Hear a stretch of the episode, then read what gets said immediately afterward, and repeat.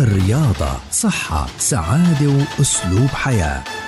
نصائح ومعلومات رياضية مهمة لجسم صحي وسليم. تسمعوها يوميا عبر أثير أجيال مع الكوتش مجدي الرابي مدرب الرياضة المحترف. مع الكوتش بودكاست من أجيال. يأتيكم كي تطوروا أجسامكم نحو صحة أفضل.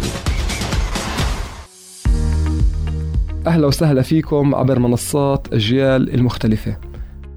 اليوم بدنا نحكي عن التدريب الشخصي. كتير بنشوف ناس عمالهم بيروحوا على الأندية وبيلجأوا لا المدرب الشخصي على أساس أنه يكون موجود معهم خلال فترة التمرين كاملة. وفي ناس لا بيستعينوا بس مجرد المدرب اللي موجود في الجيم اللي بيكون موجود مع أكثر من شخص بيستعينوا فيه وبيستشيروه بيسألوه إيش يعملوا تمارين رياضية. إحنا بدنا نكون عارفين دائما إنه المدرب الشخصي هدفه الرئيسي الرئيسي جدا اللي هو التحفيز ووضع خطة كاملة متكاملة للشخص اللي عماله بدربه.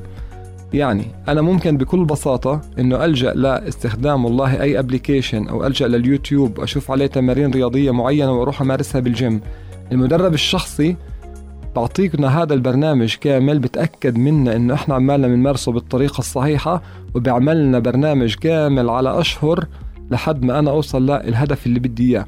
والأهم من هذا كله إنه المدرب الشخصي دور الرئيس التحفيز يعني المدرب الشخصي لما يكون في عنده اليوم مهمة مع الشخص اللي هو بدربه فبالنسبة له إشي أساسي جدا وممنوع التنازل عنه وراح يضغط بأي طريقة. لو حتى الشخص المتدرب حاول إنه ما يجي اليوم على التدريب المدرب الشخصي رح يضله يحفز فيه ويحاول بأي طريقة إنه يجيبه على الجيم لتكملة البرنامج وتكملة المشروع اللي هم بلشوه سوا.